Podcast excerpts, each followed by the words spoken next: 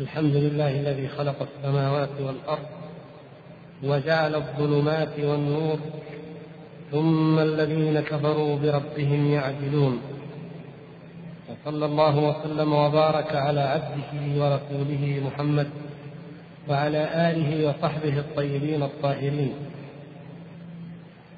أما بعد أيها الأخوة الكرام فما زلنا في شرح الفقرة السادسة والستين المتعلقة بالقرآن وهي تضاف كما ألمحنا وأشرنا إلى ما سبق في أول متن هذه العقيدة الطيبة عن القرآن. وكنا في الأسبوع الماضي قد ذكرنا ما ذكره السلف الصالح في ذم أهل الأهواء وأن آخر أمرهم السيف. ثم أحال الشيخ رحمه الله إلى أن لهذا الموضوع بقية في مسألة الجماعة والفرقة وما معنى الجماعة وما معنى لزوم الجماعة. الحمد لله. الله وسلم. وكل هذا سيأتي إيضاحه إن شاء الله. والآن نقرأ عند من عند قوله وقوله ونشهد أنه كلام رب العالمين.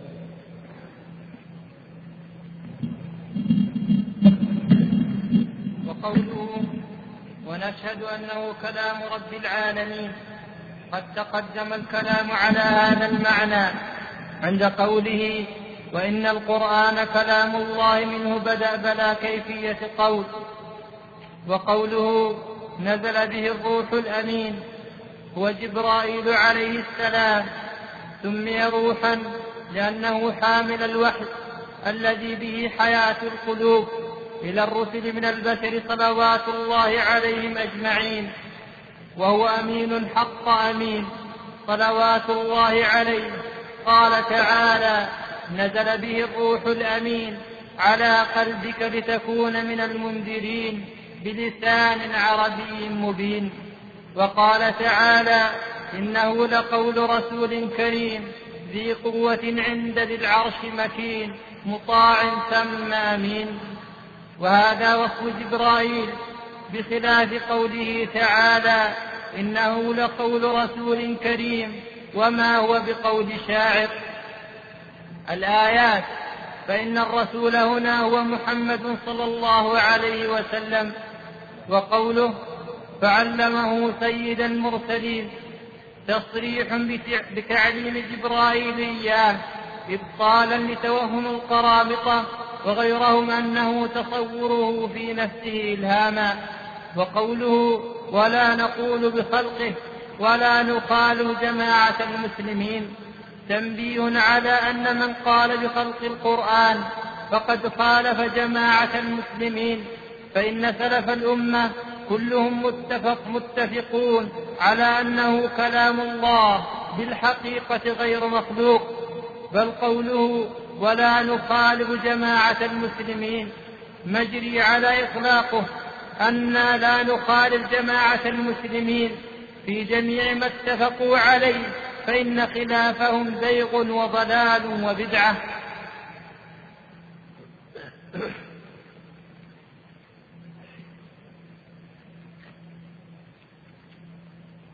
يقول رحمه الله عن الشارح وقوله يعني الماتن ونشهد أنه كلام رب العالمين قد تقدم الكلام على هذا المعنى عند قوله وإن القرآن كلام الله منه بدا بلا كيفية قولا منه بدا بلا كيفية قولا.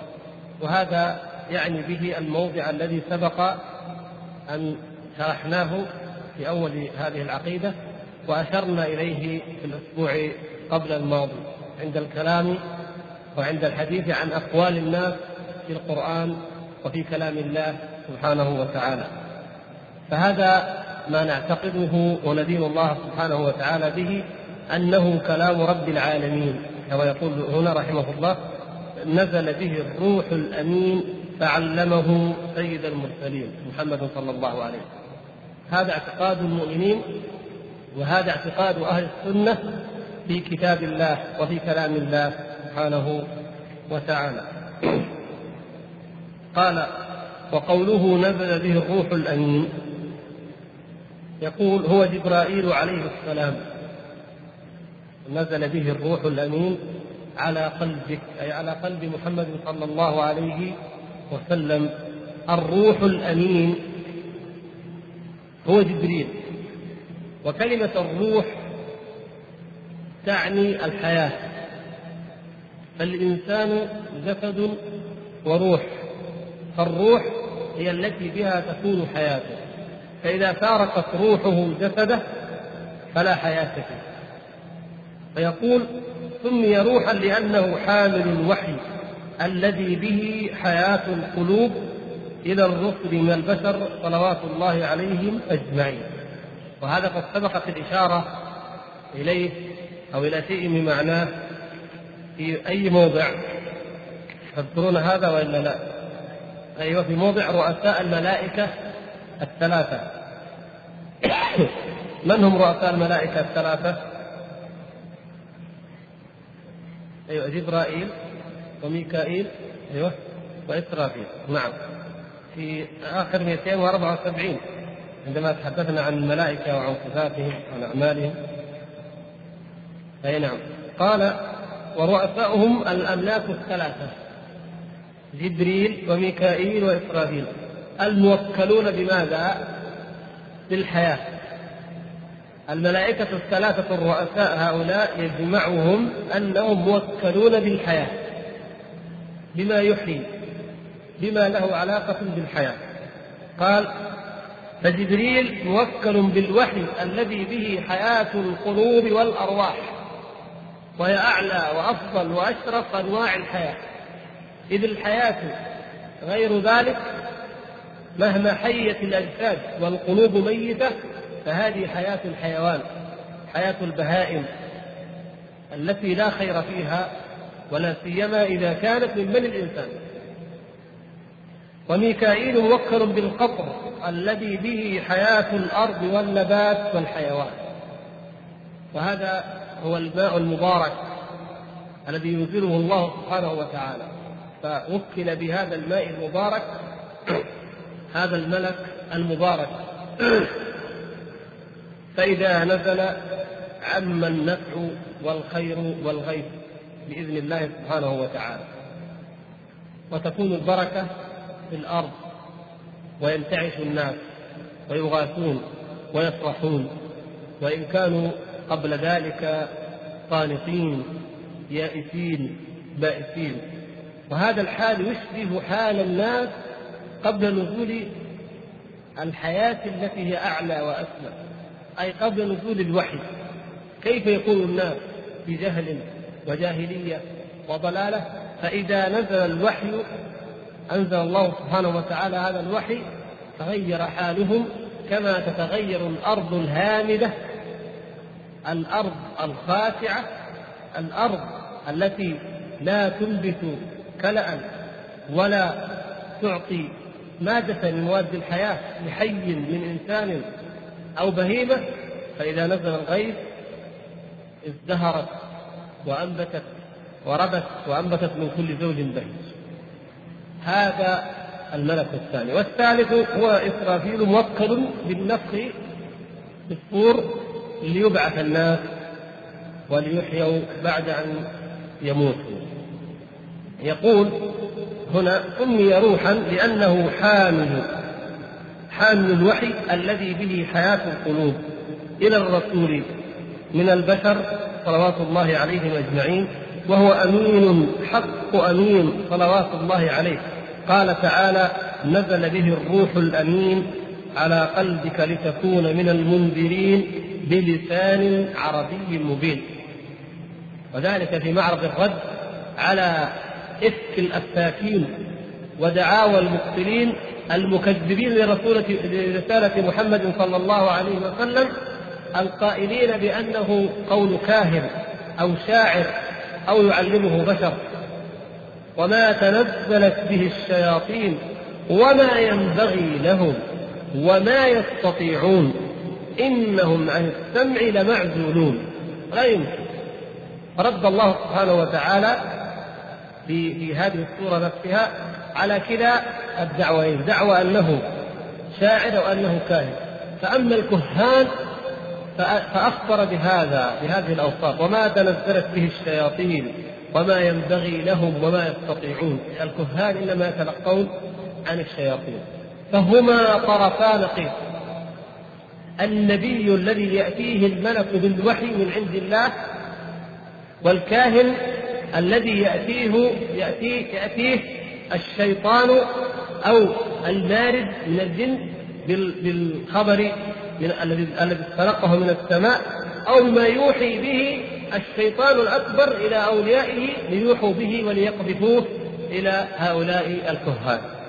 هذا غاية الصدق وهذا غاية الكذب والافتراء هذا من عند الله وهذا من عند عدو الله. فكيف تعكسون وتقلبون وتجعلون هذا هو هذا؟ هذا من الظلم والإثم والافتراء وأما الدعوة الثانية فالرد عليها هين. والشعراء يتبعهم الغاوون ألم ترى أنهم في كل وادي يهيمون وأنهم يقولون ما لا يفعلون؟ فأبعد شيء أن يكون صلوات الله وسلامه عليه شاعرا أو تلقى هذا عن شاعر.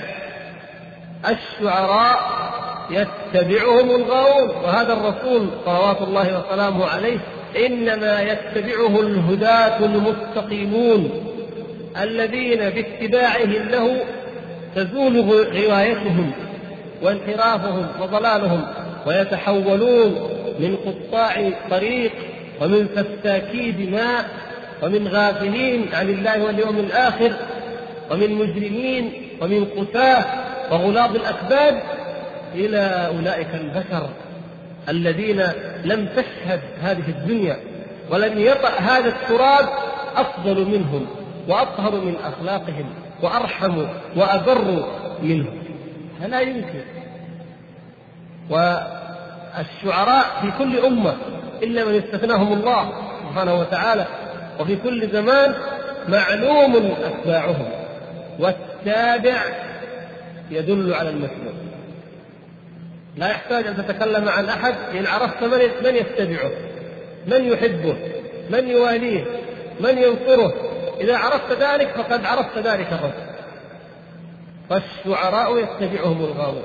ألم ترى أنهم في كل وادي يهيمون؟ شتان ما بين القرآن وما بين ما يقوله رسول الله صلى الله عليه وسلم وبين الشعر. الشعراء في كل وادي يهيم اليوم يمدح وغدا يذم.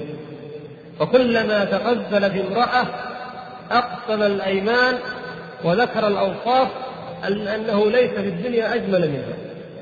وعما قليل يذكر أخرى فيعيد الأيمان والأقسام والتأكيدات والتشبيهات أنها أجمل ما في الوجود. ثم الثالثة ثم العاشرة وهكذا. وكل قضية يأتي بها يكذب فيها بما يناقض في القضية الأخرى وفي كل واد يهيمون. أعم أيضا من ذلك. في أودية الغزل في أودية المديح في أودية الرثاء في أودية الشهوات في أودية الشبهات في كل واد يهيمون. ولكن هذا الرسول صلوات الله وسلامه عليه يأتي بالحق بالفصل ليس بالهزل. دعوة واحدة إلى الله سبحانه وتعالى دعوة مستقيمة إلى الناس أن يستقيموا إلى الله وأن يعبدوا الله وأن يزكوا أنفسهم مما بها من الشرك والمعاصي وأن يطيعوا ربهم وأن يعرفوا الله سبحانه وتعالى. وأن يفكروا في مصيرهم ومآلهم بعد هذه الحياة دعوة واحدة دعوة حق لا تهين ولا تضطرب ولا تتردد ولا تتناقض. فهذا الفرق ما بينهما.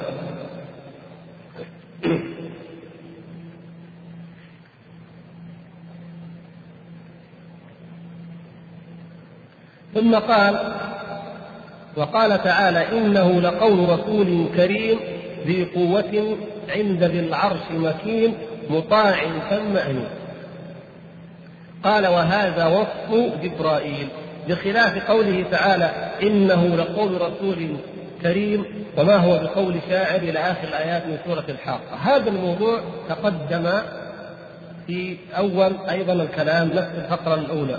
عندي أنا على طبعتي هذه 100 129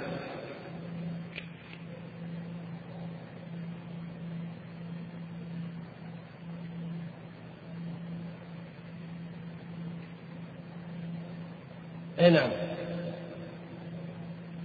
فإن قيل يعني هذا الكلام عندك كم صفحة؟ أيوه. فقرة الكلام هو كله 36 الفقرة الفقرة 36 عندك كم؟ 168 أقرأ شوف أيوه. طب افتح بعده اوراق بعدها بعدها. بعدها. بعد نودي من شاطئ الوادي الأيمن.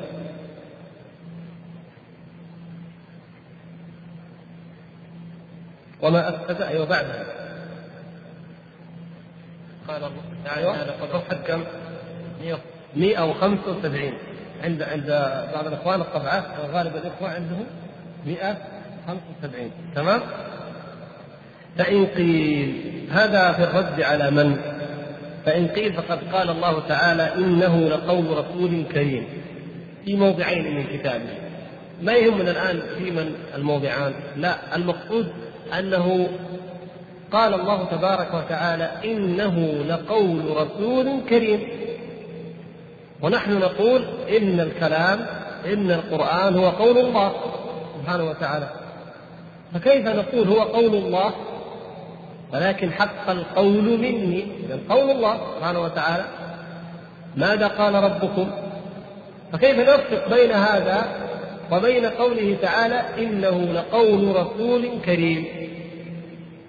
في الموضعين. وعلى من نرد وشبهة من؟ شبهة من؟ ها؟ المعتزلة؟ ماذا يقول المعتزلة؟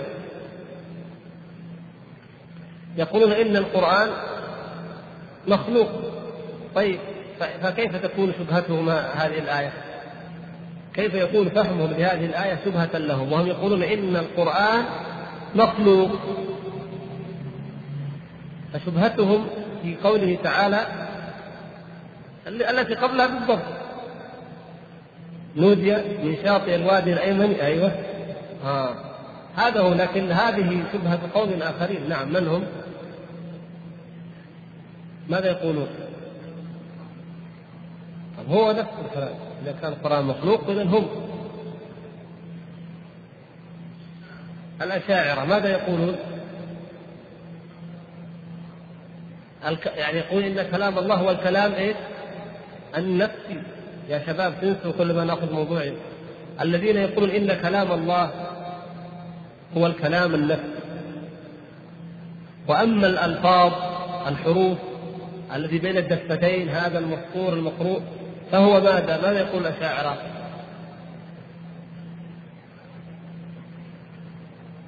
أيوة يعني لا ما يقول رأسا هو كلام جبريل أو محمد يقول هذا إيش؟ معناه إيش؟ عبارة عبارة عن كلام الله حكاية عن كلام الله لاحظتم؟ يقول هذا ليس هو كلام الله كلام الله عندهم هو المعنى القائم بالنفس إن الكلام لفي الفؤاد كما يزعم وإنما جعل اللسان على الفؤاد دليلا قالوا فالكلام كلام الله هو المعنى القائم بنفسه تعالى. طيب هذا القرآن الموجود المتلو الآن ما بين الدفتين المسطور قالوا هذا عبارة عن كلام الله حكاية عن كلام الله.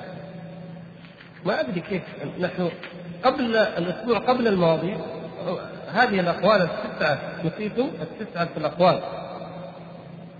التي في أول فقرة 36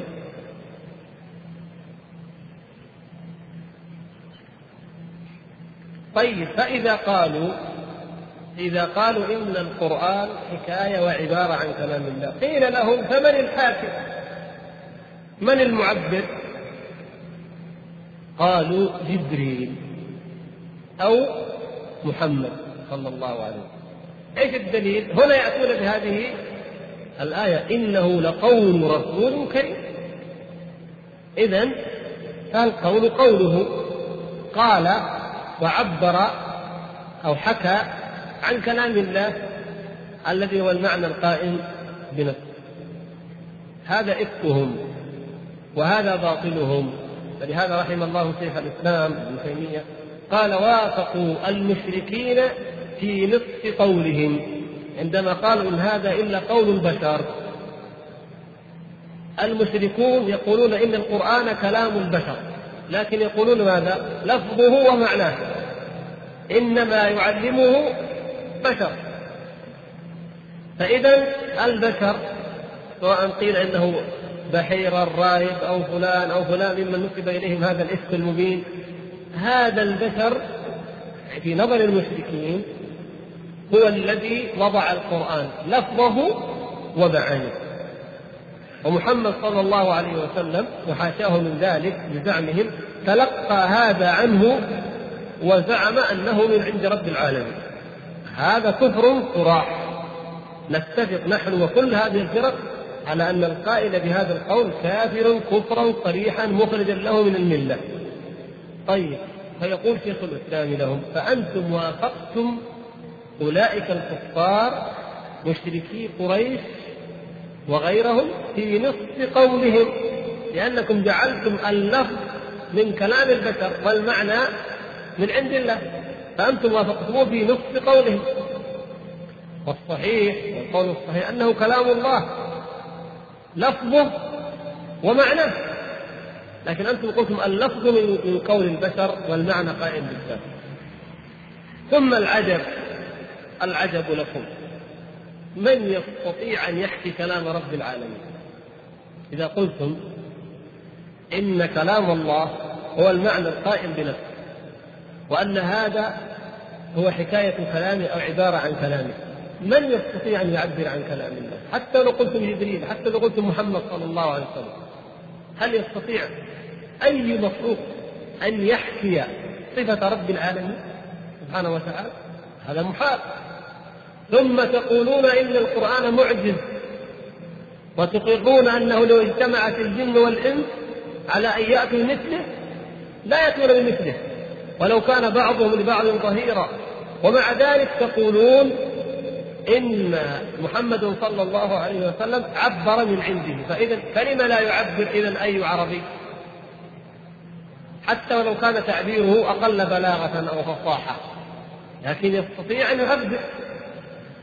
الهوة والشقة بين صفة من صفات الله وبين خلقه أن يعبروا أو يحكوها هي أعظم إن لم تكن مثل ما فررتم منه من قولكم كيف يكون الله سبحانه وتعالى قد تكلم. ثم هذا الكلام سمعه مخلوق وهو الروح الأمين تلقاه ونزل به على محمد صلى الله عليه وسلم. إن قلتم إن هذا فيه وفيه كذا وكذا فهذا فيه ما ما فررتم منه وأعظم. يلزمكم أن تقروا بأنه كلام الله سبحانه وتعالى كما يقول أهل السنة والجماعة. فبقي أن نقول إنه لقول رسول كريم. إذا كان في التكوير في وصف جبريل عليه السلام وفي الحاقة في وصف محمد صلى الله عليه وسلم فما معناهما؟ ما معنى الآية؟ الآية واحدة في الحالين في الآية في السورتين في الموضعين كيف يختلف المعنى؟ يعني في التكوير إنه لقول رسول كريم ذي قوة عند ذي العرش مكين مطاع ثم أمين هذا وصف جبريل يعني وصف الرسول المبلغ الرسول المبلغ عن الله سبحانه وتعالى الذي ألقاه إلى محمد صلى الله عليه وسلم فهو تلقاه من رب العالمين وبلغه فهو المبلغ عن الله الروح الأمين الذي كما هنا في آية الشعراء نزل به الروح الأمين على قلبك لتكون من المنذرين بلسان عربي مبين فالوصف هنا لمن؟ للمبلغ الرسول الكريم هو المبلغ جبريل عليه السلام. وأما في آية الحاقة فالرسول الكريم هو المبلغ محمد صلى الله عليه وسلم الذي بلغ هذا القرآن من عند الله سبحانه وتعالى. ولهذا نفي عنه أن أن يفتري أو يزيد ولو تقول علينا بعض الأقاويل لأخذنا منه باليمين ثم لقطعنا منه الوتر إذا هو لا يأتي بشيء من عنده. هو مبلغ صلوات الله وسلامه عليه. وما بلغ ينقله كاملا. وإن لم يفعل فليس بمبلغ. وإن لم تفعل فما بلغت رسالته. فالله سبحانه وتعالى عصمه من الخيانة في هذا البلاغ. وهكذا كل نبي أرسله الله سبحانه وتعالى. فهو معصوم عن الخيانة.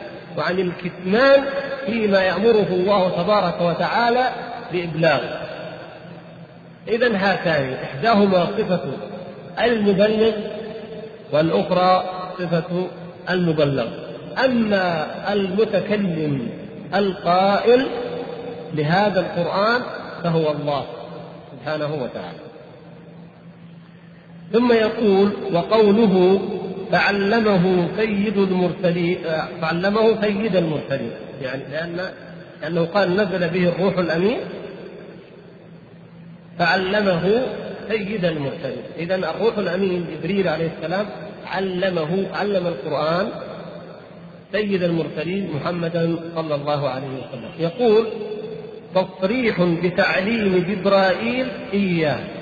يصرح بأن جبرائيل علمه إياه إبطالا لتوهم القرامطة وغيرهم أنه تصوره بنفسه إلهاما.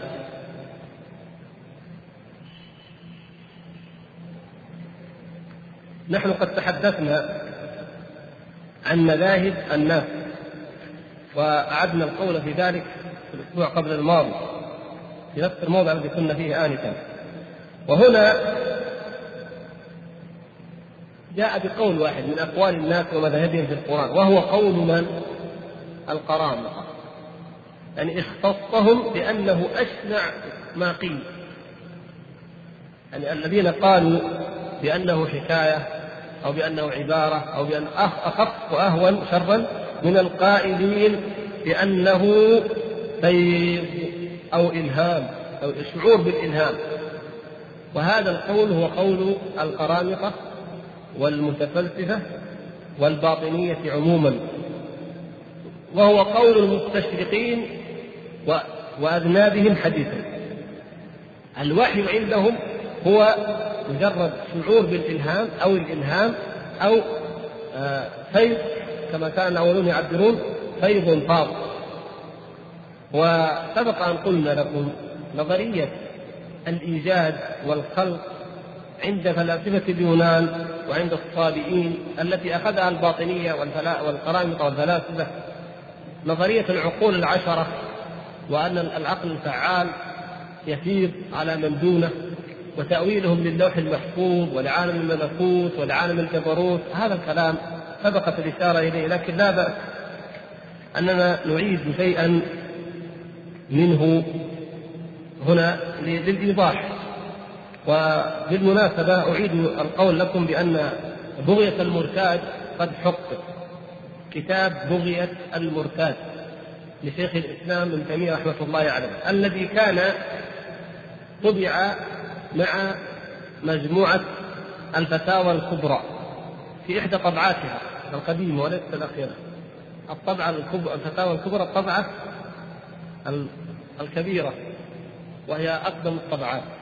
في آخرها أولها التسعينية وفي آخرها العقيدة الأصفهانية وبغية المرتاد ثم حقق وهو الآن كتاب مستقل. هذا وبغية المرتاد في الرد على المتفلسفة والقرامطة والباطنية أهل الإلحاد من القائلين بالحلول والاتحاد. هذه رسالة عظيمة حققها الدكتور موسى ابن سليمان الدويش في الجامع من الجامعة الإسلامية في المدينة. موجود الكتاب وتشترون إن شاء الله تفيدون منه كثيرا. وفي هذا الكتاب يرد شيخ الإسلام رحمه الله على القرامطة والباطنية مزاعمهم في الوحي وغيره رد على ابن عربي ورد على ابن سبعين ورد على القولوي ورد على آه، يعني ابتداء من من ارسطو ومن افلاطون وغيرهم. يعني مثلا في صفحة 100 آه، المؤلف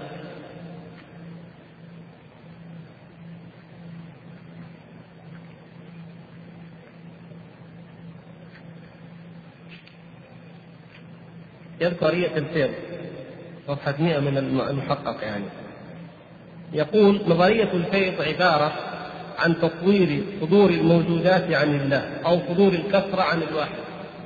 يعني لا يقولون إن الله سبحانه وتعالى خلق المخلوقات وخلق جبريل وخلق محمد صلى الله عليه وسلم وأوحى تكلم بما شاء كيفما شاء وأوحى هذا إلى لا هذا لا يقولون إنما يقولون إنه العقل الأول هو الذي يفيض على الأشياء. فأول شيء صورها عند أفلوطين وشيعته يقول إن إحداث الأشياء ما هو إلا انتشار ما في العلة الأولى من القدرة على التعقل والتأثير مع بقاء ذاتها على ما كانت عليه من السكون والكمال المتعالي عن كل نوع من التغيير والحركة. يعني لو نفصل في هذا في معنى هذا الكلام تعرفون أن نفاة الصفات أخذوا مذهبهم عن هؤلاء كما ذكر الشيخ الإسلام رحمه الله في التدمرية في الحموية. هذا دينهم. يقولون إن الله تعالى منزه عن الحوادث أن تطرأ عليه حوادث وعن الحركة وعن التغير وعن الانتقال وعن كذا. ولذلك ينفون عنه الكلام والنزول والإستواء وهكذا إلى آخر هذه الصفات بمثل هذه التعللات التي قال بها أولئك الأقدمون من الوثنيين. فيقول إذا العقل أو العلة الأولى ينتشر انتشار ما فيه من القدرة على التعقل والتأثير ينتشر هكذا فيضا مع بقاء ذاته. لأن أفلاطون وأرسطو لديهم تصور عجيب أن الكامل كما يقولون بتعبير الكامل لو فكر في الناقص لعد ذلك نقصا. فلهذا يحاولون أن يجعلوا العلة الأولى الذي يعبرون عن الله سبحانه وتعالى بالعلة الأولى في كلامهم أنه كمال مطلق ولهذا لا يفكر فيما دونه ولا يخاطبه ولا يكلمه ولا يؤثر هذا فيه. ولذلك الذين نفوا غضب الله ورضا الله ورحمة الله وأولوها من المعتزلة ومن الأشعرية. لماذا أيضا؟ نفس الشيء. يقول لك حتى لا نقول إن ما وجد عن العلة الأولى يؤثر في العلة الأولى التي هي كمال مطلق. فكذلك نقول إن واحد لما عصى لما أفسد لما ظلم أغضب الله. وكيف الشيطان يجمع الشبهة فكأن من المخلوق أثر في الخالق. إذا لا إذا نحسن ننفي أنه ما يغضب ولا يحب. يعني نفوا المحبة ونفوا الغضب. بهذه الشبهات التي أصلها هذا هو كلام هؤلاء الكفرة الذين لم يعرفوا رسولا ولا كتابا ولا وحي فجاء هؤلاء فنقلوا هذا الاعتقاد في دين وجعلوه من دين المسلمين. ثم ذكر نظرية عند ابن سينا أيضا وغيره من الفلاسفة. وأقام شيخ الإسلام رحمه الله في بيان تأثر أبي حامد الغزالي بهذه النظرية. إلى أن قال ما نحب يعني نثقل عليكم لأن هذا كلام يحتاج إلى شرح طويل. يقول الأصل الثاني من الأصلين الفاسدين صفحة 326 كون روح العبد هذا في لغة المرتاد. كون روح العبد تطالع اللوح المحفوظ. اعتقادهم أن روح العبد تطالع اللوح المحفوظ. هذا ما كان يقوله ولا يزال يقوله غلاة الصوفية. الغلاة أصحاب الحلول الاتحاد يرون أنهم يطالعون ويرون اللوح المحفوظ. على أي تأويل؟ يقول فإن هذا هو قول هؤلاء من المتفلسفة القرامطة أن اللوح المحفوظ وهو العقل الفعال أو النفس الكلية وذلك ملك من الملائكة وأن حوادث الوجود منتقشة فيه فإذا اتصلت به النفس الناطقة قاضت عليها. وهذا الكلام هو الذي قرره أبو حامد الغزالي رحمه الله في الفترة المرحلة التي كان فيها على مذهب التصوف يقولون اللوح المحفوظ تعبير عن العقل الفعال أو عن النفس الكلية. وهذه النفس الكلية ملك أو تتصور في شكل مخلوق فإذا اتصلت به نفس من النفوس أو اتصل بها فاض أو أفاض عليها النور والحكمة والمعرفة. وعليه الرسالة أو الوحي مكتسبة كما صرح به بعضهم بل عمله واعتقده. نسأل الله العفو والعافية. ابن سبعين ممن كان يعتقد ذلك ورد عليه شيخ الإسلام هنا كثيرا هذا المنهج. ابن سبعين هذا المجرم الأفاك الأثيم جلس في غار حراء زمنا طويلا وهو جالس. في الغار معتكف بزعمه متوهما أو متوقعا أن الوحي ينزل عليه. ولما خوطب في ذلك وقيل أن الوحي قد انقطع قال لقد تحجر ابن آمنة واسعة. انظروا كيف جرأته على مقام رسول الله صلى الله عليه وسلم. قد تحجر ابن آمنة واسعة حين قال لا نبي بعد. يتوهمون أنه بالمجاهدة بالرياضات بالأنواع الأذكار المعروفة لديهم أنه يمكن أن ينزل عليه جبريل وأن يأتيه الوحي نسأل الله العفو والعافية. لأن الوحي عندهم هو هذا المفهوم هو هذا الفهم. لأنهم قرأوا في كتب أولئك الباطنية قرامطة وأمثالهم أن هذا مسألة عقل كلي أو نفس كلية عقل فعال أو نفس كلية تفيض على ما وهذا الكلام موجود في المصدر الرئيس أو الأساس لفكر القرامطة والباطنية. وهو مجموعة رسائل إيه؟ رسائل إخوان الصفا. نعم. هذا هو هذا تقريرهم للعقول العشرة أو الأفلاك العشرة. وهذا الكلام البحث مر, مر معنا في عدة مواضع في الحقيقة. حتى أبين أنكم تنسوا ونسأل الله أن يلهمني وإياكم وأن يعلمنا ما جهلنا يذكرنا ما نسينا. في عدة مواضع مر علينا الكلام عن هؤلاء. في مبحث الكلام تكلمنا عنه. وفي مبحث النبوة وهو من آخر ما تحدثنا فيه. تذكرون؟ لما قالوا إن الرسول لابد أن يكون فيه قوة إيش؟ أيوه قوة التصور قوة التخييط طيب هذا هذا كلام قريب ما هو بعيد ما هو بعيد عنا. خلينا نجيب عبد الله الصفحة صفحة كم؟ عشان نذكر الأخوان.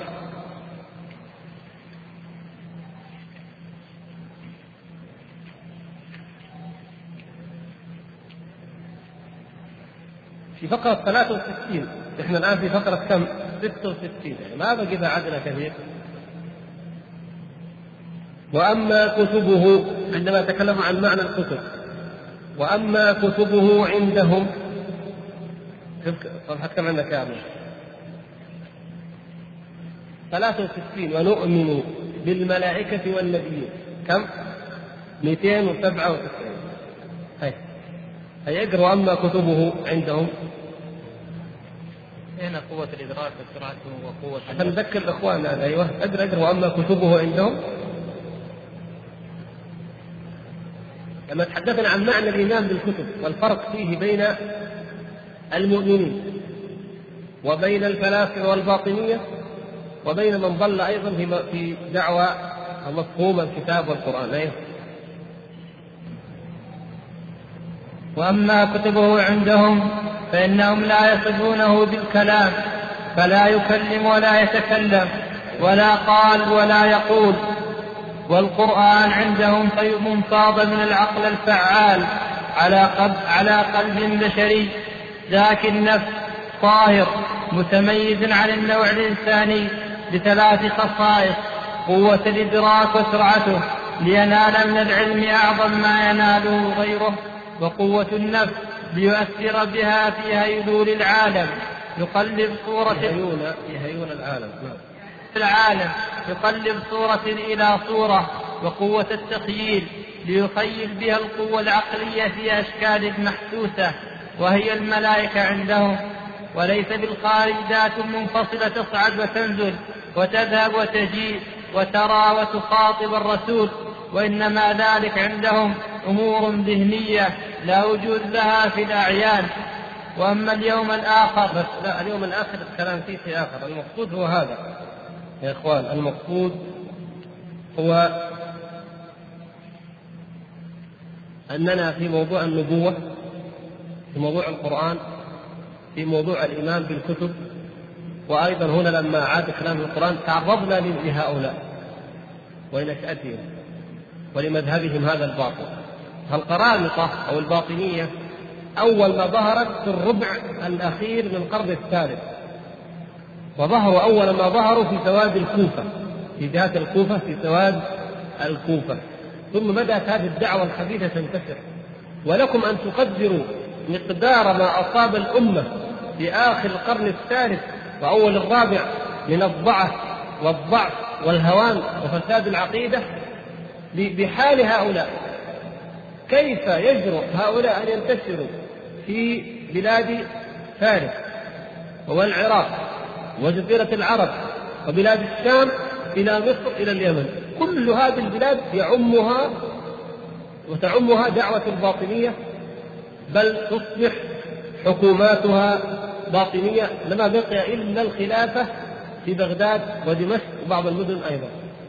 كيف كيف يعني هؤلاء الإباحيون في شرائعهم أبطلوا الصلاة والصيام والدين أبطلوا الشرائع العملية إباحيون وأبطلوا أيضا العقائد ومنها القول باليوم الآخر والقول بأن القرآن حق والقول بأن رسالة محمد صلى الله عليه وسلم حق. كل هذا أبطلوه ومع ذلك انتشروا هذا الانتشار. انظروا كيف دليل على ما وصلت إليه الأمة. من الضعف والانهيار.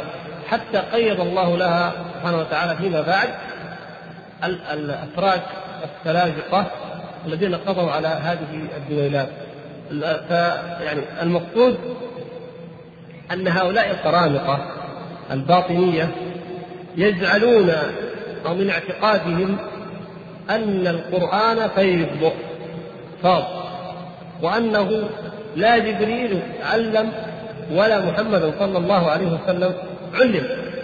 وهذا من من كفرهم الذي كفرهم به علماء كفرهم بسببه العلماء بل حتى الفرق. أكثر الفرق تكفرهم من عداهم. من أسباب ضلالهم وكفرهم كما ذكر شيخ الإسلام رحمه الله أيضا وأشار إليه في صفحة 235 آه، أن أنهم عمدوا إلى الألفاظ الشرعية فجعلوها لأسماء أخرى. يعني مثلا من المباحث التي مرت علينا فيها مسألة هؤلاء المجرمين في مسألة العرش والعلو. يقولون الأفلاك العشرة. ماذا جعلوا العرش؟ فلكا من الأفلاك. يعني السماوات السبع. هذه سبعة سبعة أفلاك. بعدين قالوا إيش؟ والكرسي هو الفلك الثامن والعرش والفلك التاسع. مثلا يعني هنا أول وهنا أول وهنا واضح كثيرا نجد هؤلاء المجرمين نجدهم أمامنا يؤولون. فجعلوا أول العرش بأنه الفلك. أول اللوح المحفوظ بأنه العقل الفعال أو النفس الكلية. أول جبريل عند بعضهم جبريل هو العقل الفعال أو النفس الكلية التي فاض منها الوحي. أول نبوة أول عالم الملكوت الملكوت والجبروت قالوا هذا عالم وهذا عالم. فكل الألفاظ الشرعية يعني يعني من أسباب ضلالهم أنهم يأتون إلى الألفاظ الشرعية فيؤولونها بمعنى أنهم يأتون إلى كلمة فلسفية أو اصطلاح فلسفي قديم عند قدماء اليونان فيأتون له يأتون بكلمة أو لفظة شرعية فيعبرون عن هذا المعنى الفلسفي بهذه اللفظة وهذا غاية التمويه والفساد. فإن الناس يعتقدون أن هذا هو هذا يعني فكأن الله سبحانه وتعالى عندما يحدثنا ويخبرنا عن جبريل عليه السلام المقصود هو العقل الكلي العقل الفعال أو النفس الكلية. وعندما يحدثنا ويخبرنا عن العرش أو يخبرنا الرسول صلى الله عليه وسلم عنه فالمقصود هو الفلك التاسع أخي على طريق الحق هنا منتصف الشريف يقول ومنهم من لم يتدرج في الترقي من المحجوبين عن الله يعني على التفصيل التي ذكرناه الذي ذكرناه. ولم يطل عليهم الطريق فسبقوا من أول مرة إلى معرفة القدس وتنزيه الربوبية عن كل ما يجب تنزيهه. فغلب عليهم أولا ما غلب على آخر الآخرين. إذ هجم عليهم التجلي دفعة واحدة. التجلي التجليات الربانية بذلك هجمت دفعة واحدة. فأحرقت سبحات وجهه جميع ما يمكن أن يدركه بصر حسي وبصيرة عقلية من غير تدريج أو تدرج يعني. ويشبه أن يكون الأول طريق الخليل. الأول يعني التدرج طريق الخليل عليه السلام. كله ما له أفكر والثاني هو إيش؟ طريق محمد صلى الله عليه وسلم انه رأى ذلك بدقه واحدة، المقصود يقول آه، فهذه إشارة إلى المحجوبين بالنور والظلمة. ولا يبلغ ولا يبعد أن يبلغ عددهم إذا فصلت المقامات وتتبع حدث السالكين سبعين ألفا. سبعين ألفا هؤلاء المحجوبون ولكن إذا فتشت لا تجد واحدا منهم خارجا عن الأقسام التي حصرناها. فإنهم إما محجوبون بصفاتهم البشرية أو بالحس أو بالخيال أو بمقايسة العقل أو بالنور المحض كما سبق. وهذا آخر الكتاب. يعني جعل الغزالي من أنواع المحجوبين من حجب بالنور المحض كيف يعني؟ يعني النبي صلى الله عليه وسلم ماذا قال؟ نور نور أنا أراه يعني فالنبي صلى الله عليه وسلم حجب بالنور المحض فهو عنده من جملة إيه؟ المحجوبين يقول آه، شيخ الإسلام فهذا الكلام مع ما فيه من تصويب نفاة الصفات من المتفلسفة والقرامطة ونحوهم وتخطئة الصفاتية الذين هم سلف الأمة وأئمتها وأهل الحديث والتصوف والفقه وحذاق أهل الكلام إلى آخره يتضمن أيضا تفضيل الذين يعتقدون في أحد النصوص والعقول أنه رب العالمين وغايتهم أن يجعلوا ذلك هي الملائكة. ويتضمن تفضيل من يعتقد في ملك من الملائكة أنه رب العالمين على من يقر برب العالمين. لماذا؟ لأنه إذا كان العقل الفعال هو جبريل وهو الذي آه، يفيد أو النفس الكلية. فمعنى ذلك أن من اعتقد أن هذا الملك هو رب العالمين الذي صدرت ونشأت عنه المخلوقات من عقول العشرة وفلسفة فالعقل الأخير الفعال هو الذي أصاب. فلذلك يجوز عندهم واليونان يعني خذوا قاعدة أصلا. في الفكر الأوروبي والفكر اليوناني ثم ورثها الرومان وإلى الآن الفكر الأوروبي عامة كلمة الرب أو كلمة الإله تطلق على كل من نبغ وتفوق في أي شيء. ولذلك سموا نيوتن إله لأنه يعني إله العلم سموا نيوتن إله العلم وسموا داروين إله العلم وسموا هيجل إله الفلسفة. حتى بعض الممثلين يسموه إله الفن إلى آخره. وعندنا طبعا أخذناها أخذناها على المغنيين واللاعبين قلنا معبود الجماهير. لكن هم عندهم الكلمة ما هي مثل ما نستخدمها نحن أو البعض يعني مجازية بحتة. الكلام عندهم أقرب أن يكون حقيقة. يعني من من نبغ وتفوق فهو إله. لأن عقائدهم الوثنية القديمة من أيام اليونان أن كل شيء له إله، المطر إله والرياح إله والجمال إله والخير إله وال... إلى آخره. فهذا اعتقادهم. فلما نقول لما يعني على مقتضى كلام الغزالي هذا تصديق بحقيقه العقل الفعال والنفس الكلية وأن الوحي فيض أو أن الاتصال اتصال أي مخلوق من البشر مع النفس الكلية يمكن يفيض عليها شيء مما يلزم منه من اللوازم أيضا أن من يعتقد أن رب العالمين أو أن الخالق هو أحد الملائكة أنه على حق. إن لم يكن أفضل إن لم يكن هو صاحب النظرية الصحيحة فعلى الأقل أنه على صواب عياذا بالله من ذلك. هذه من الأقوال الباطلة. يقول آه، شيخ الإسلام ويتضمن تفضيل من يعتقد في ملك من الملائكة أنه رب العالمين على من يوقظ برب العالمين من الصفاتيه المسلمين واليهود والنصارى. وإذا كان معلوما بالاقترار من دين الرسل كلهم أن الفلاسفة الصادقة الذين يعبدون الملائكة مع قولهم أنهم مخلوقون هم أسوأ حالا من أهل الكتاب اليهود والنصارى مع ما وصف الله به هؤلاء من المقالات الغالية في التعطيل فكيف بهؤلاء؟ يعني انظروا كيف يعني نتدرج في الأمر. المؤمنون الموحدون أتباع الخليل محمد صلوات الله وسلامه عليه. هؤلاء يؤمنون بالله وملائكته وكتبه ورسله كما أخبر رب العالمين.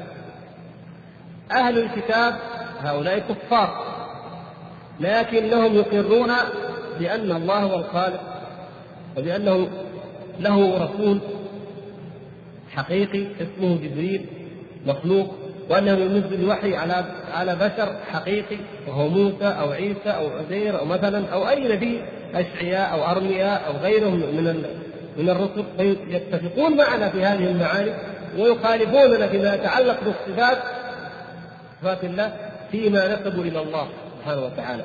وقالت اليهود يد الله مغلوله غلت أيديهم ولعنوا بما قالوا بل يداه مبسوطتان ينفق كيف يشاء. وأيضا لقد سمع الله القول الذين قالوا إن الله فقير ونحن أغنياء اليهود خالفوا في بعض الصفات لكن نحن إياهم نحن هم متفقون في قدر كثير نعلم به أنهم أقرب إلينا ممن بعدهم وهم من؟ وهم الصابئة عباد الكواكب أو عباد الملائكة قبل ذلك يقول إيه؟ الذين عبدوا الملائكة يقول جبريل مثلا أو أي ملك الملائكة؟ هو عبد لله سبحانه وتعالى ومقرب عند الله ونحن نعبده. يعبدونه ويعتقدون أنه ملك ويعتقدون أنه مخلوق. فهم أبعد بلا ريب وأكثر من من؟ من اليهود ومن النصارى. وهؤلاء هم الذين قال الله سبحانه وتعالى فيهم أولئك الذين يدعون يبتغون إلى ربهم الوسيلة أيهم أقرب ويرجون رحمته ويخافون عذابه. أبعد منهم جميعا من قال إن هذه الكواكب مستقلة بالتأثير والخلق والإيجاد وسمى أطلق عليها أسماء الملائكة وهم الصابئة وأشباههم من الوثنيين الذين بعث فيهم إبراهيم. إذا قصة إبراهيم عليه السلام هي ليجادل قومه لينظرهم لأنهم هذا دينهم يعتقدون أن الرب الخالق المؤثر وهذه الكواكب. فكيف يتفق لأبي حامد الغزالي أن يجعل الأربعة أنواع من أنواع الحج؟ هذا محجوب به يقول بالحس والخيال وهذا محجوب بالصفة البشرية وهذا محجوب بالقياس. وهذا يعني محمد صلى الله عليه وسلم أو الخليل محجوب بالنور والكل محجوب. وكيف يصحح أو يصدق قول من قال إن جبريل هو العقل الفعال أو النفس الكليه وأن اللوح المحفوظ هو ما ينتقش من العلوم ما ينقش من العلوم في آه، قلوب أو في نفوس الاولياء شوف كيف الله يعني يعني لو أنه لو أنه فضل اليهود لانكر عليه. لو فضل عباد الملائكة لا أنكر عليه. فكيف وهو يفضل أو يساوي بمن؟ بهؤلاء الذين يعبدون هذه الكواكب يعتقدون أنها هي الله وأنها هي الملائكة. ويقول يعني شيخ الإسلام ومع هذا فالمشركون الذين يعبدون الملائكة أو غيرها أسوأ حالا من هؤلاء باتفاق المسلمين مع إقرارهم برب العالمين. فكيف بتفضيل من يقول إن ملكا هو رب العالمين على طوائف المسلمين واليهود والنصارى الذين يثبتون الصفات إلى آخر ما ذكر. يقول ومنشأ هذا الضلال الذي وقع في قصة إبراهيم ما تقدم من ذكره من ظنهم أنه قال إن الكوكب أو القمر أو الشمس رب العالمين.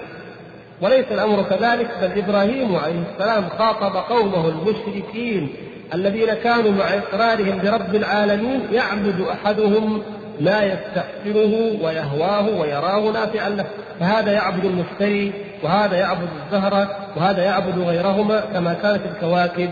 تعبد وكان أعظم ما يعبد من, من ذلك الشمس والقمر لظهور تأثيرهما في هذا العالم.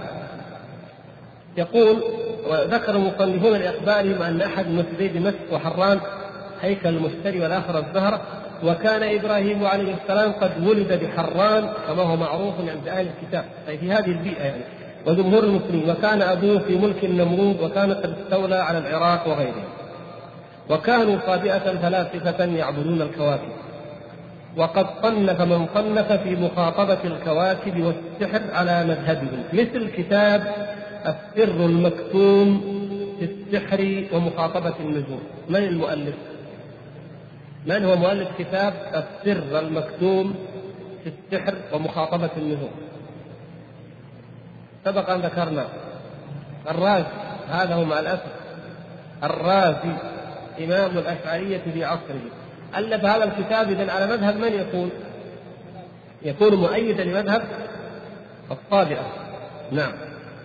المقصود حتى ما يعني ساعد من الحديث نحن يعني تعب بنا أن الشارح رحمه الله يقول إن إيماننا بأن جبريل نزل بالقرآن وعلمه محمد صلى الله عليه وسلم إبطال لما يعتقده أولئك الكفرة. فمن اعتقد قولهم فقد كفر وإن أخطأ من أخطأ وتبعهم في ذلك من عامة أو من علماء المسلمين.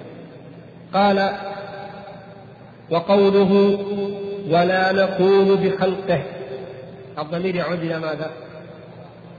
القرآن. ولا نقول بخلقه أي ولا نقول إن القرآن مخلوق.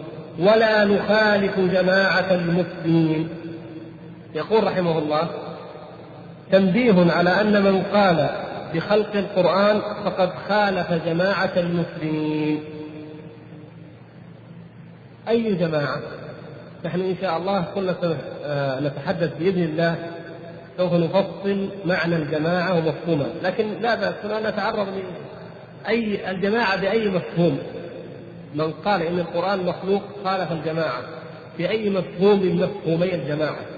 الجماعة بمعنى الاجتماع على الإمام العدل وعدم الخروج عليه أو الجماعة بمعنى الحق والسنة. نعم. أي بالمعنى الآخر نعم. إذا من قال إن القرآن مخلوق خالف جماعة المسلمين. يقول الشيخ إذا كأنه رحمه الله وقد استدرك على هذا لما قال ولا نخالف جماعة المسلمين يعني من خلق من قال إن القرآن مخلوق من خالف وقال إن القرآن مخلوق فقد خالف جماعة المسلمين وخرج منها. لماذا يقول فإن سلف الأمة كلهم متفقون على أنه كلام الله بالحقيقة غير مخلوق؟ واللالكائي رحمه الله في كتابه الذي قرأنا بعض منه في الأسبوع الماضي شرح أصول اعتقاد أهل السنة والجماعة ذكر طبقات وراء طبقات. من الصحابة ثم التابعين ثم أتباعهم طبقات ممن يصرحون بأن القرآن كلام الله غير مخلوق وذكر غيره نحو ذلك قريبا هذا اتفاق عند السلف فمن خالفهم فقد خرج عن أن يكون من جماعة المسلمين. من قال إن القرآن مخلوق يكون من أهل السنة والجماعة؟ ما يمكن. ما يمكن لأنك خالف جماعة المسلمين. فكيف يكون منهم؟ وقد خالفهم في أصل عظيم مفترق طريق بين الحق والباطل. لكن الشارح رحمه الله عاد فاستدرك على نفسه قال بل قوله ولا نخالف جماعة المسلمين يجرى على إطلاقه أو مجدي على إطلاقه مجرى على إطلاقه. أن لا نخالف جماعة المسلمين في جميع ما اتفقوا عليه. ما هي قضية القرآن وحدها؟ أو النبوة أو الرؤية أو الصفات أو القدر أو الصحابة. لا. يقول ولا نخالف جماعة المسلمين في أي شيء.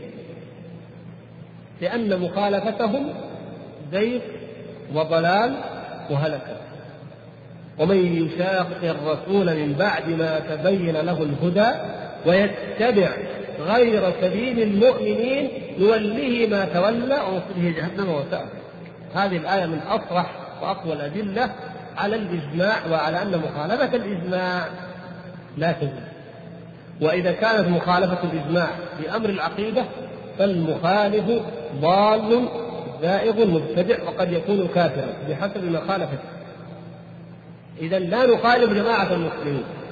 نحن إذا متبعون ولسنا مبتدئين.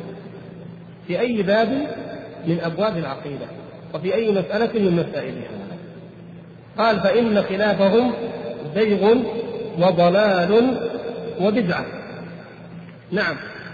فكل من خالف أهل السنة والجماعة وخالف ما كان عليه السلف الصالح وقع في الزيغ وقع في الضلال وقع في الابتداع. بحسبه. قد يكون هذا الزيغ والضلال كفرا. وقد تكون البدعة كفرية والعياذ بالله. وقد يكون أقل من ذلك. بحسب المخالفة يكون وقوع ذلك أو الحكم على ذلك الإنسان أو ذلك المخالف. ومن خالفهم في باب من أبواب العقيدة فليس كمن خالفهم في بابين. ومن كان في بابين فليس كمن خالفهم في ثلاثة وأكثر وهكذا. فالمخالفات أنواع. ولهذا لما تعرضنا في فيما سبق إلى إلى أركان الإيمان الستة. نفس الصفحة اللي قريناها قبل شوية في في موضوع الكتب. يعني ذكر إن إيش؟ قال وأعظم الناس لها إنكارا الفلاسفة. يعني العداوات مختلفه أعظم الناس ضلالا وكفرا وبعدا عن الجماعة الذين لا يمكن أن يدخلوا بجماعة المسلمين بأي حال من الأحوال الفلاسفة كابن سينا أو الفارابي أو الكندي أو من شابههم. هؤلاء أبعد الناس عن حق الدين. ومن كان في طبقتهم من الحلوليه والاتحادية كابن عربي وابن سبعين والقولوي والتلمساني واشباهه هؤلاء أبعد الناس عن الإيمان وعن عن السنة وأشدهم كفرا وضلالا. تذكرون هذا التقسيم لما ذكرناه ولا برضه ثم بعد ذلك قلنا إيش؟ بعد نقسمهم خلينا نبدأ نبدأ بالأقرب ثم نترقى. أقرب الناس إلى أهل السنة والجماعة من الطوائف والفرق المخالفة لهم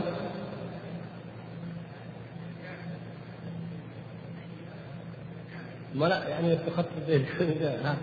خذوها فرقة فرقه يعني الأشعرية والكلابية والماتريدية إلى حد ما هؤلاء هذه الفرق في جملتها يعني ليست من أهل السنة والجماعة لكن هي أقرب شيء أقرب تلك الفرق إليه. وما هم فيه هو ضلال وزيغ وابتداع وانحراف. كلي أو جزئي في بعض أبواب العقيدة. يعني بعض الأبواب يكون انحراف فيه كليا وبعض الأبواب يكون انحراف فيه جزئيا. هؤلاء ثم بعد ذلك إيش؟ أيوه المعتزلة المعتزلة عموما ومن وافق منهجهم إذا قلنا المعتزلة يدخل فيه الشيعة يعني الزيدية معتزلة والاثنى عشرية معتزلة ويدخل فيه أيضا الأباضية. لا الله يستعين لأن الأباضية إيش؟ خوارج الخوارج معتزلة. نعم. فإذا الطبقة الثانية من طبقات الضلال هم طبقة المعتزلة ومن وافقهم. هؤلاء يخالفوننا في قضايا كلية أصولية أوسع وأكبر مما يخالفنا فيها الأشاعرة والماتريدية ثم بعد ذلك من هو أكثر منهم أو أشد ضلالا منهم هو من؟ هو يعني الرافضة تمتد لكن إحنا كمنهج عام الصفات جميعا في أبواب العقيدة جميعا نجد إيش؟ الجهمية الجهمية ويدخل ضمن الجهمية ومعهم الروافض نعم. يعني في المقام الأول قلنا الزيدية هم آه، معتزلة. لكن عندما نتكلم عن الجهمية في طبقتهم بالكفر نجد الرافضة. لأن الجهمية ينكرون الأسماء والصفات. المعتزلة ينكرون الصفات يثبتون الأسماء. الأشاعرة يثبتون الأسماء ويثبتون بعض الصفات. شفتوا كيف التدرج؟ فإذا هؤلاء في طبقتهم نجد أيضا تصنف أن هؤلاء الجهمية بعض العلماء ابن المبارك والفضيل بن عياض سفيان بن عيينة وبعض كثير من أئمة السلف أخرجوهم أن يكونوا من الثنتين والسبعين فرقة أصلا وهم خارجون ليس عن الجماعة فحسب أو عن السنة بل أخرجوهم عن أهل القبلة. الله يفتح نعم. طيب. وبعد ذلك أكثر من هؤلاء. غلاة الصوفية أيوه وغلاة الرافضة والباطنية. تمام. ومن؟ والفلا ومن وافقهم. والفلاسفة إن كنتم تجعلوا الفلاسفة قسم آخر هم أكثر الناس جميعا.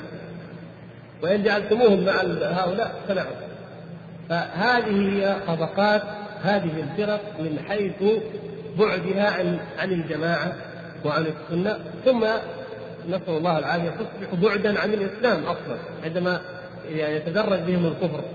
فنجد أن يعني الطبقة الأغلى الأشد غلوا في الكفر هي هؤلاء. يعني إذا استخدمنا الأسماء نجد أنه ابن سينا والرازي أي الرازيين؟ لا.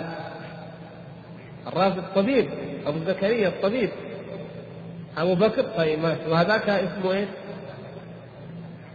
فخر الدين الرازي ابن الخطيب ابن خطيب الري وبينهما ثلاثة قرون.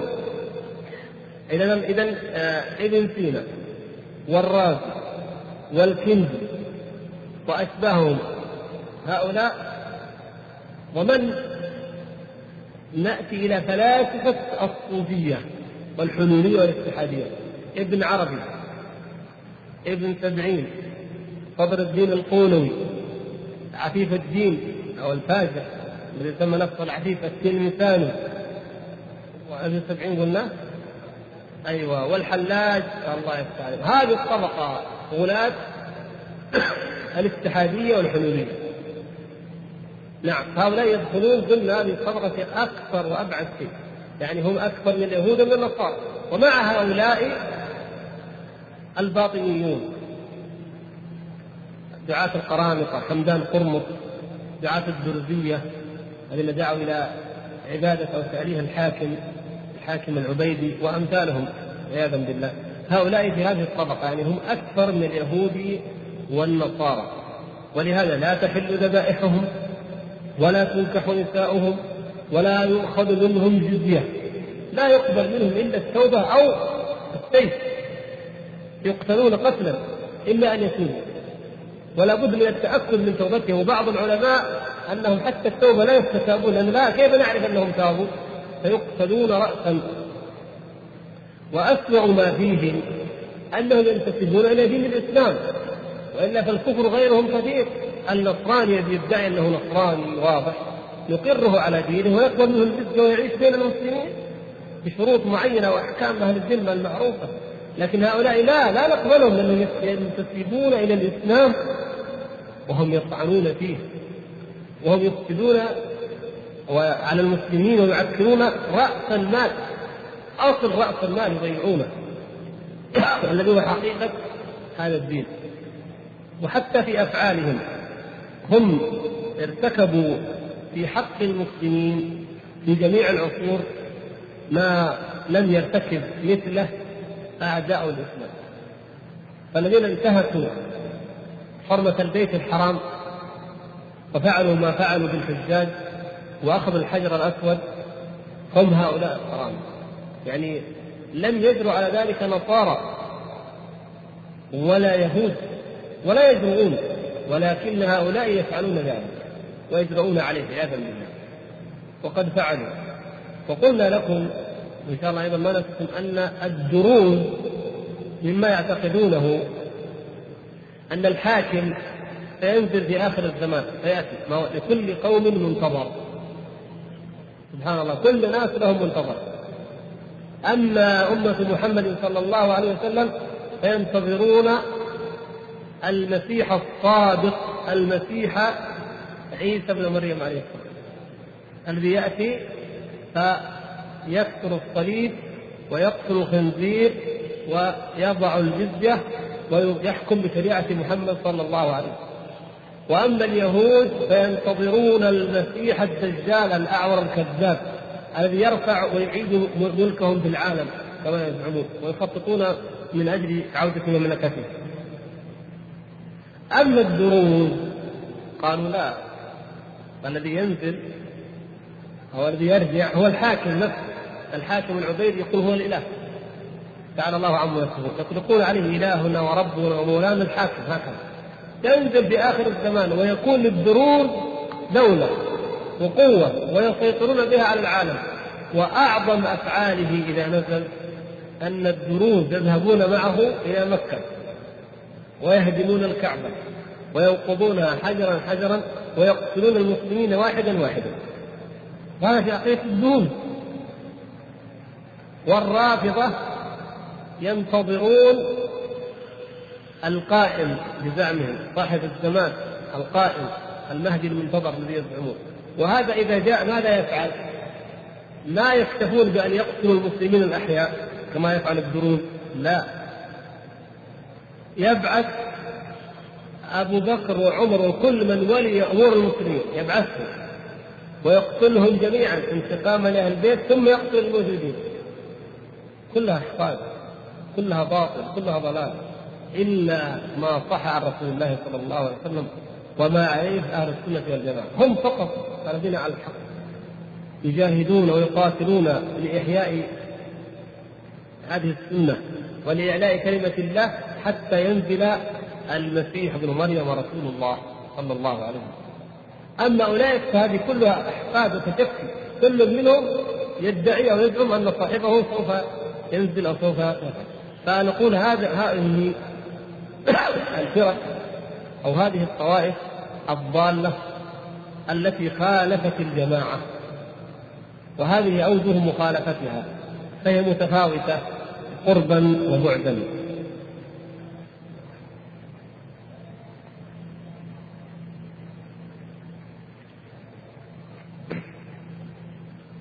اقرا عبد الله الفقره اللي بعدها. قوله ولا نكفر أحدا من أهل القبلة بذنب ما لم يستحله ولا نقول ما لا ولا نقول لا يضر مع الإيمان ذنب لمن عمله. أراد بأهل القبلة الذين تقدم ذكرهم في قوله ونسمي أهل قبلتنا مسلمين مؤمنين ونسمي أهل قبلتنا مسلمين مؤمنين. هذا سبق. نعم الفقرة الرابعة والستون أيوه. ما داموا بما جاء به النبي صلى الله عليه وسلم معترفين وله بكل ما قال وأخبر مصدقين. يشير الشيخ رحمه الله بهذا الكلام إلى الرد على الخوارج القائلين بالتكفير بكل ذنب. واعلم رحمك الله وإيانا أن باب التكفير وعدم التكفير باب عظمت الفتنة والمحنة فيه وكثر فيه الافتراق وتشتتت فيه الأهواء والآراء وتعارضت فيه دلائلهم.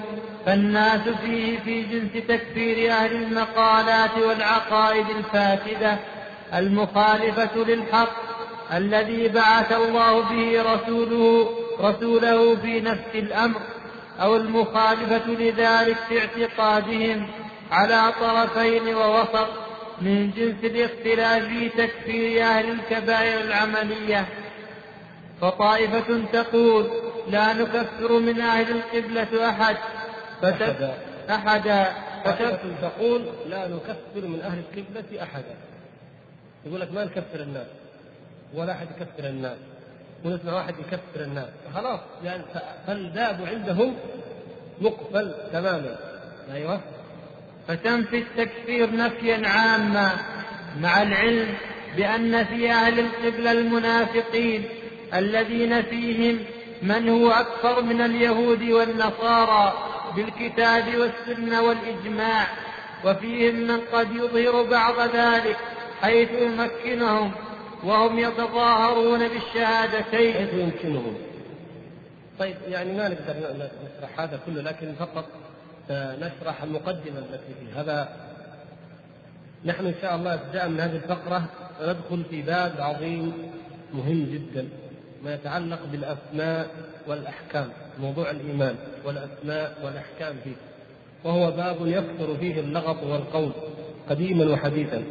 وقد أطال فيه أيضا الشيخ رحمه الله تعالى وكل ذلك يعني تقريبا إلى تسعة إلى من من 67 إلى تسعة فقرة 79 على سوف نفصل إن شاء الله. في حكم آه، الإيمان وفي حقته وأهل الكبائر والحكم على المعينين والتفاوت بين أهل الإيمان وكونهم أولياء الرحمن إلى آخر ذلك. كلام طويل ويحتاج إلى أن نهتم يا إخوان أن آه، نحضر الكتاب وأن نهتم بما يقال وأن نرجع أيضا إلى المراجع.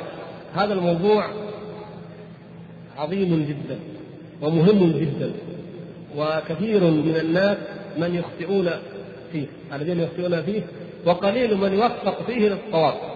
وهو من أكثر المسائل في هذا العصر التباسا على الناس. ما يتعلق بالإيمان والكفر والتكفير والوعيد والتبديع والتضليل والتصديق وأحكام كل منهم ومعاملة كل منهم. حتى أنه كما يعني ترون في واقع الأمة الإسلامية تجد أن من الناس من يكفر من هم خيار الأمة وعلمائها عياذا بالله. وتجد منهم من لا يكفر أشد الناس كفرا وأبعدهم عن دين الله. وهكذا الأمور مضطربه وأكثر الناس يخوضون فيه بغير علم. فهذا يستحسن وهذا يقول لا يعجبني وهذا يقول أنا ما أحب وهذا يقول الأمر خطير وهذا فقط. لكن ما لا نجد أدلة شرعية وتفصيل. ومن يفصل فقد يخطئ وكثير منهم يخطئون. لكن الله سبحانه وتعالى عصم أهل السنة والجماعة وعصم الأمة جميعا أن تجتمع على الضلالة. فالحق موجود عند أهل السنة. ونحن إن شاء الله سوف آه، نأخذ هذا الموضوع بالتفصيل إن شاء الله سبحانه وتعالى. سوف نفصل فيه المسائل إن شاء الله بما نرى أنه يشبع المقام حتى تتضح هذه القضية بحول الله ومنه وفضله وتوفيقه. الفقرة الأولى نعم عندنا من المراجع إن شاء الله نبين لكم كل فقرة نرجعها. إنها كتاب الإيمان لشيخ الإسلام ابن تيمية الإيمان الكبير المطبوع وحده وإن كان عندكم مجموع الفتاوى فخذوا الجزء السابع المجلد السابع. فيها الإيمان الكبير وفيها الإيمان الأوسط وفيها الإيمان الصغير. نعم. هذا من أهم المراجع في ذلك. وكتب كثيرة إن شاء الله سنحيلكم عند كل فقرة إلى مصدرها ومن أشهرها وأقدمها وأهمها كتاب الإيمان للإمام أحمد رحمه الله ورضي عنه وأرضاه الذي آه، هو موجود ومذكور ضمن جامع الخلال المخطوط وبعضه قد طبع. الجزء الأول منه قد طبع. لكن موجود. الحمد لله مخطوط. ونستطيع اننا يعني نرجع إليه ونقرأ منه إن شاء الله هنا بإذن الله تعالى. فالفقرة الرابعة والستين أرجو أن تعيدوا سماعها أو تعيدوا آه، تذكر ما قلنا فيها وهي قوله ونسمي أهل قبلتنا مسلمين مؤمنين. إلى آخره. وما معنى أهل القبلة؟ ولماذا حدد وقيد الوصف بالقبلة؟ وأن هذا من القواعد العظيمة كما ذكرنا في المضى أصل كلي عظيم جدا في هذه المسألة وهو تعليق الأحكام بماذا؟ بالصلاة بشعيرة ظاهرة مكررة. فهذا معيار واضح. الناس قسمان أهل قبلة وأهل كفر. لأن إذا قلنا أهل السنة قسيمهم يكون من؟ أهل السنة قسيمهم إيه؟ أهل البدعة أحسنت. وإذا قلنا أهل الفجور أو الفجار قسيمهم الأبرار. لكن إذا قلنا أهل القبلة فقسيمهم أو مضادهم من؟ الكفار الذين لا قبلة لهم. نعم. ولهذا كان يعني في ذلك دليل على صحة إجماع الصحابة رضوان الله تعالى عليهم أن تارك الصلاة ليس مسلما. فهنا هنا المعلم الواضح هذا ننطلق منه إن شاء الله. أهل القبلة هم هؤلاء كما ذكرنا لكم حديث أنس وحديث ابن عمر رضي الله تعالى عنهما في تحديد أو في معرفة من يحكم بأنه من أهل القبلة. فهنا يأتي يقول ولا نكفر أحدا من أهل القبلة. هناك قال إيه؟ ونسمي أهل قبلتنا مسلمين مؤمنين. هنا قال ولا نكفر أحدا من أهل القبلة. أول ما نبدأ بالموضوع نعرف هذا المسألة وإن شاء الله نتعرض لموضوع ما هو الإيمان. ما معنى الإيمان؟ وما هو الإيمان؟ وما هي الفرق المخالفة في الإيمان؟ وما هو الأصل الذي بنيت عليه مخالفات الفرق في الإيمان؟ ثم ماذا ترتب على ذلك من أحكام؟ كما في مسائل الوعيد ومرتكب الكبيرة. بإذن الله سبحانه وتعالى نسأل الله سبحانه وتعالى أن يمن علينا وعليكم بالفهم والعلم النافع والعمل الصالح وأن نجتهد إن شاء الله يا إخوان ونتذكر يعني ولا سيما أننا قد ننقطع لأن يعني سنأخذ اسبوعا أو أسبوعين إن شاء الله ثم يعني يأتي الحج. فيحتاج الأمر منا إلى أن نجتهد وأن نذاكر حتى في العطل. نسأل الله أن ينفعنا.